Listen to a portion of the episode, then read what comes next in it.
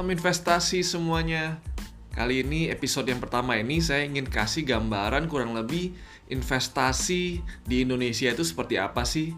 Nah, hanya investor asing tuh bisa berinvestasi di Indonesia dengan dua cara.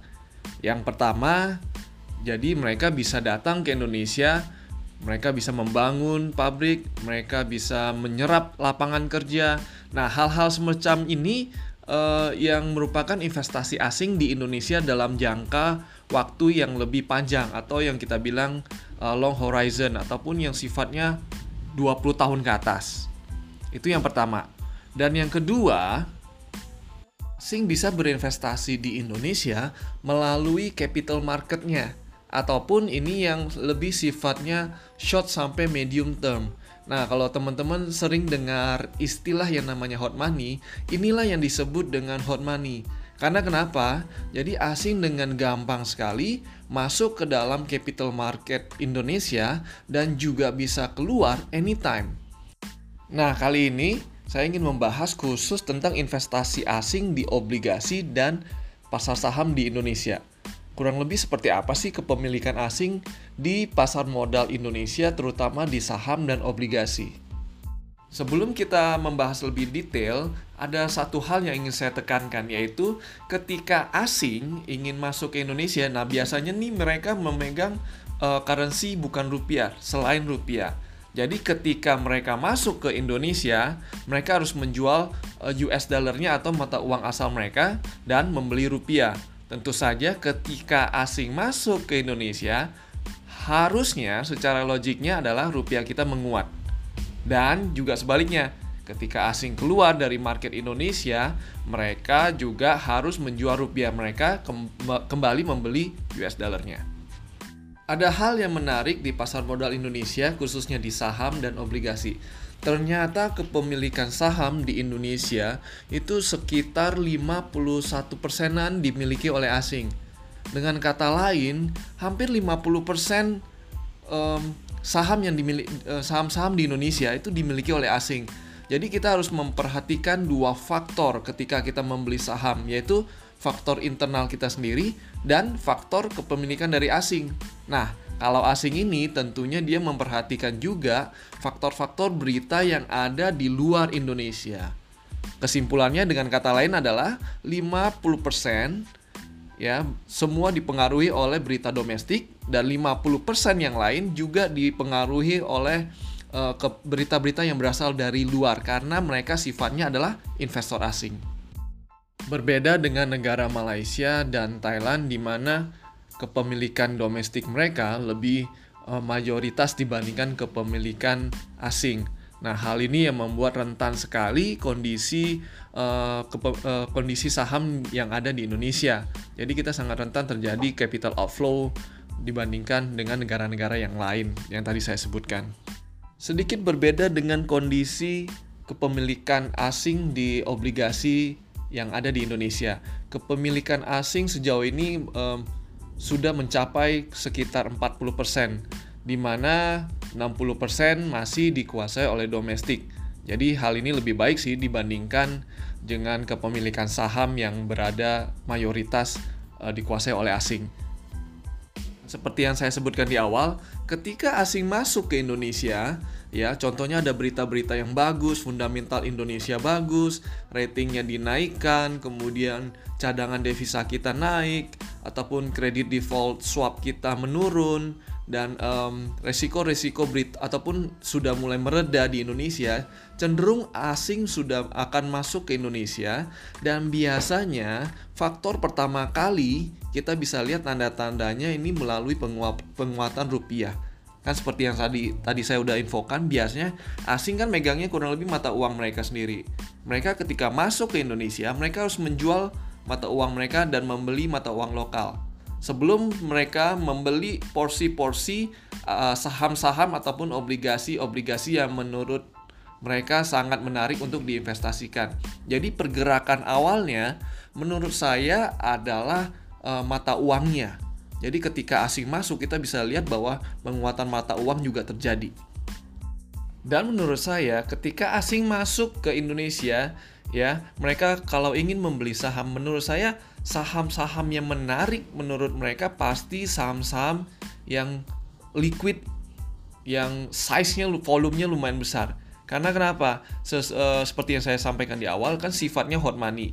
Ada juga sih mereka asing yang investasi di Indonesia untuk jangka medium ataupun ke long term melalui eh, saham-saham yang ada di Indonesia. Tapi mayoritas mereka pasti akan mencari perusahaan-perusahaan yang size-nya masuk ke dalam LQ45 ataupun yang big caps terlebih dahulu. Karena apa?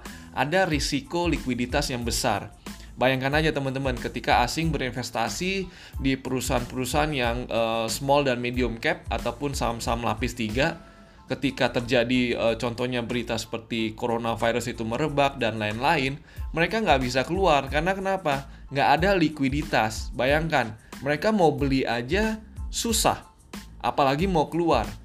Jadi asing menurut saya untuk waktu sekarang ini mereka harusnya um, akan mengincar saham-saham yang berkapitalisasinya besar.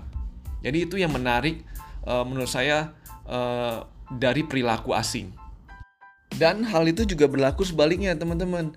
Ketika terjadi resiko ataupun volatilitas yang tinggi, biasanya asing juga menjual porsi mereka yang liquid terlebih dahulu.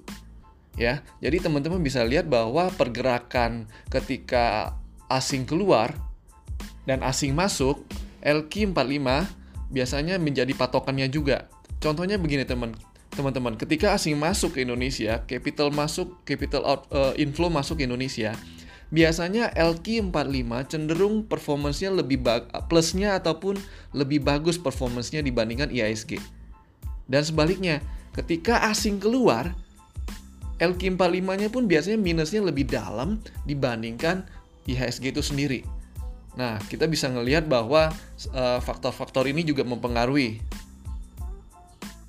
Jadi kurang lebih kalau teman-teman ingin berinvestasi dalam waktu-waktu ke depan ini, sepertinya eh, LQ45 masih merupakan pilihan yang menarik karena biasanya asing juga akan mengincar masuk ke LQ45 tersebut. Tapi ingat, resikonya juga besar. Ketika terjadi volatilitas yang meningkat, mereka juga akan menjual LQ45 ataupun saham-saham yang liquid terlebih dahulu.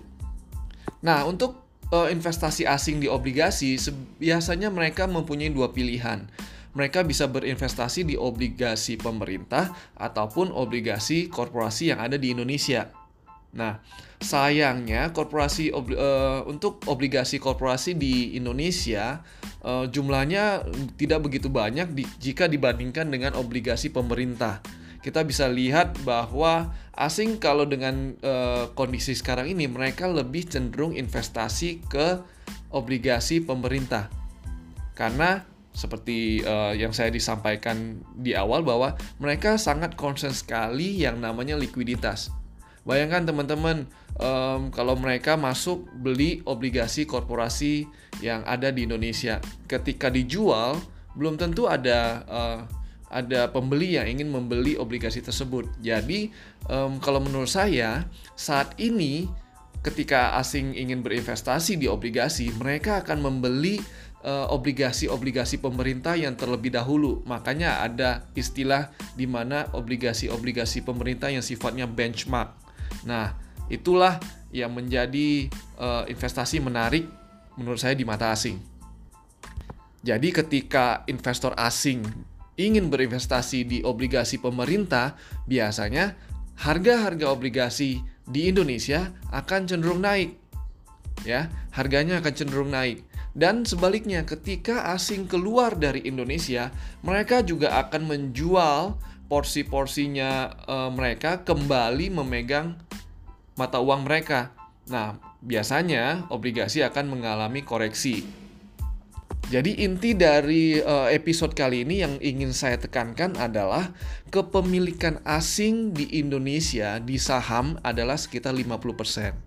Dan kepemilikan asing di obligasi khususnya di Indonesia kurang lebih mencapai 40%. Jadi eh, teman-teman kita bisa melihat bahwa perilaku asing sangat kita harus perhatikan dalam investasi di Indonesia. Jadi, kalau di saham biasanya mereka akan mengincar saham-saham yang sifatnya lapis pertama ataupun yang big cap ataupun yang blue chip terlebih dahulu. Kemudian mereka baru mengincar medium cap ataupun yang terakhir mereka baru mengincar saham-saham yang sifatnya uh, small cap. Berbeda dengan obligasi, biasanya mereka akan cenderung memilih obligasi yang jatuh temponya uh, uh, short sampai medium di mana medium portionnya itu tidak lebih dari 10 tahun. Setelah itu mereka baru menyisihkan sebagian uh, porsi mereka untuk berinvestasi di long termnya di long term obligasinya. Sekian dulu untuk podcast kali ini dan uh, stay tune untuk tetap ikutin episode episode, berikutnya ya. Jangan lupa. Dan uh, saya Andi undur diri. Bye.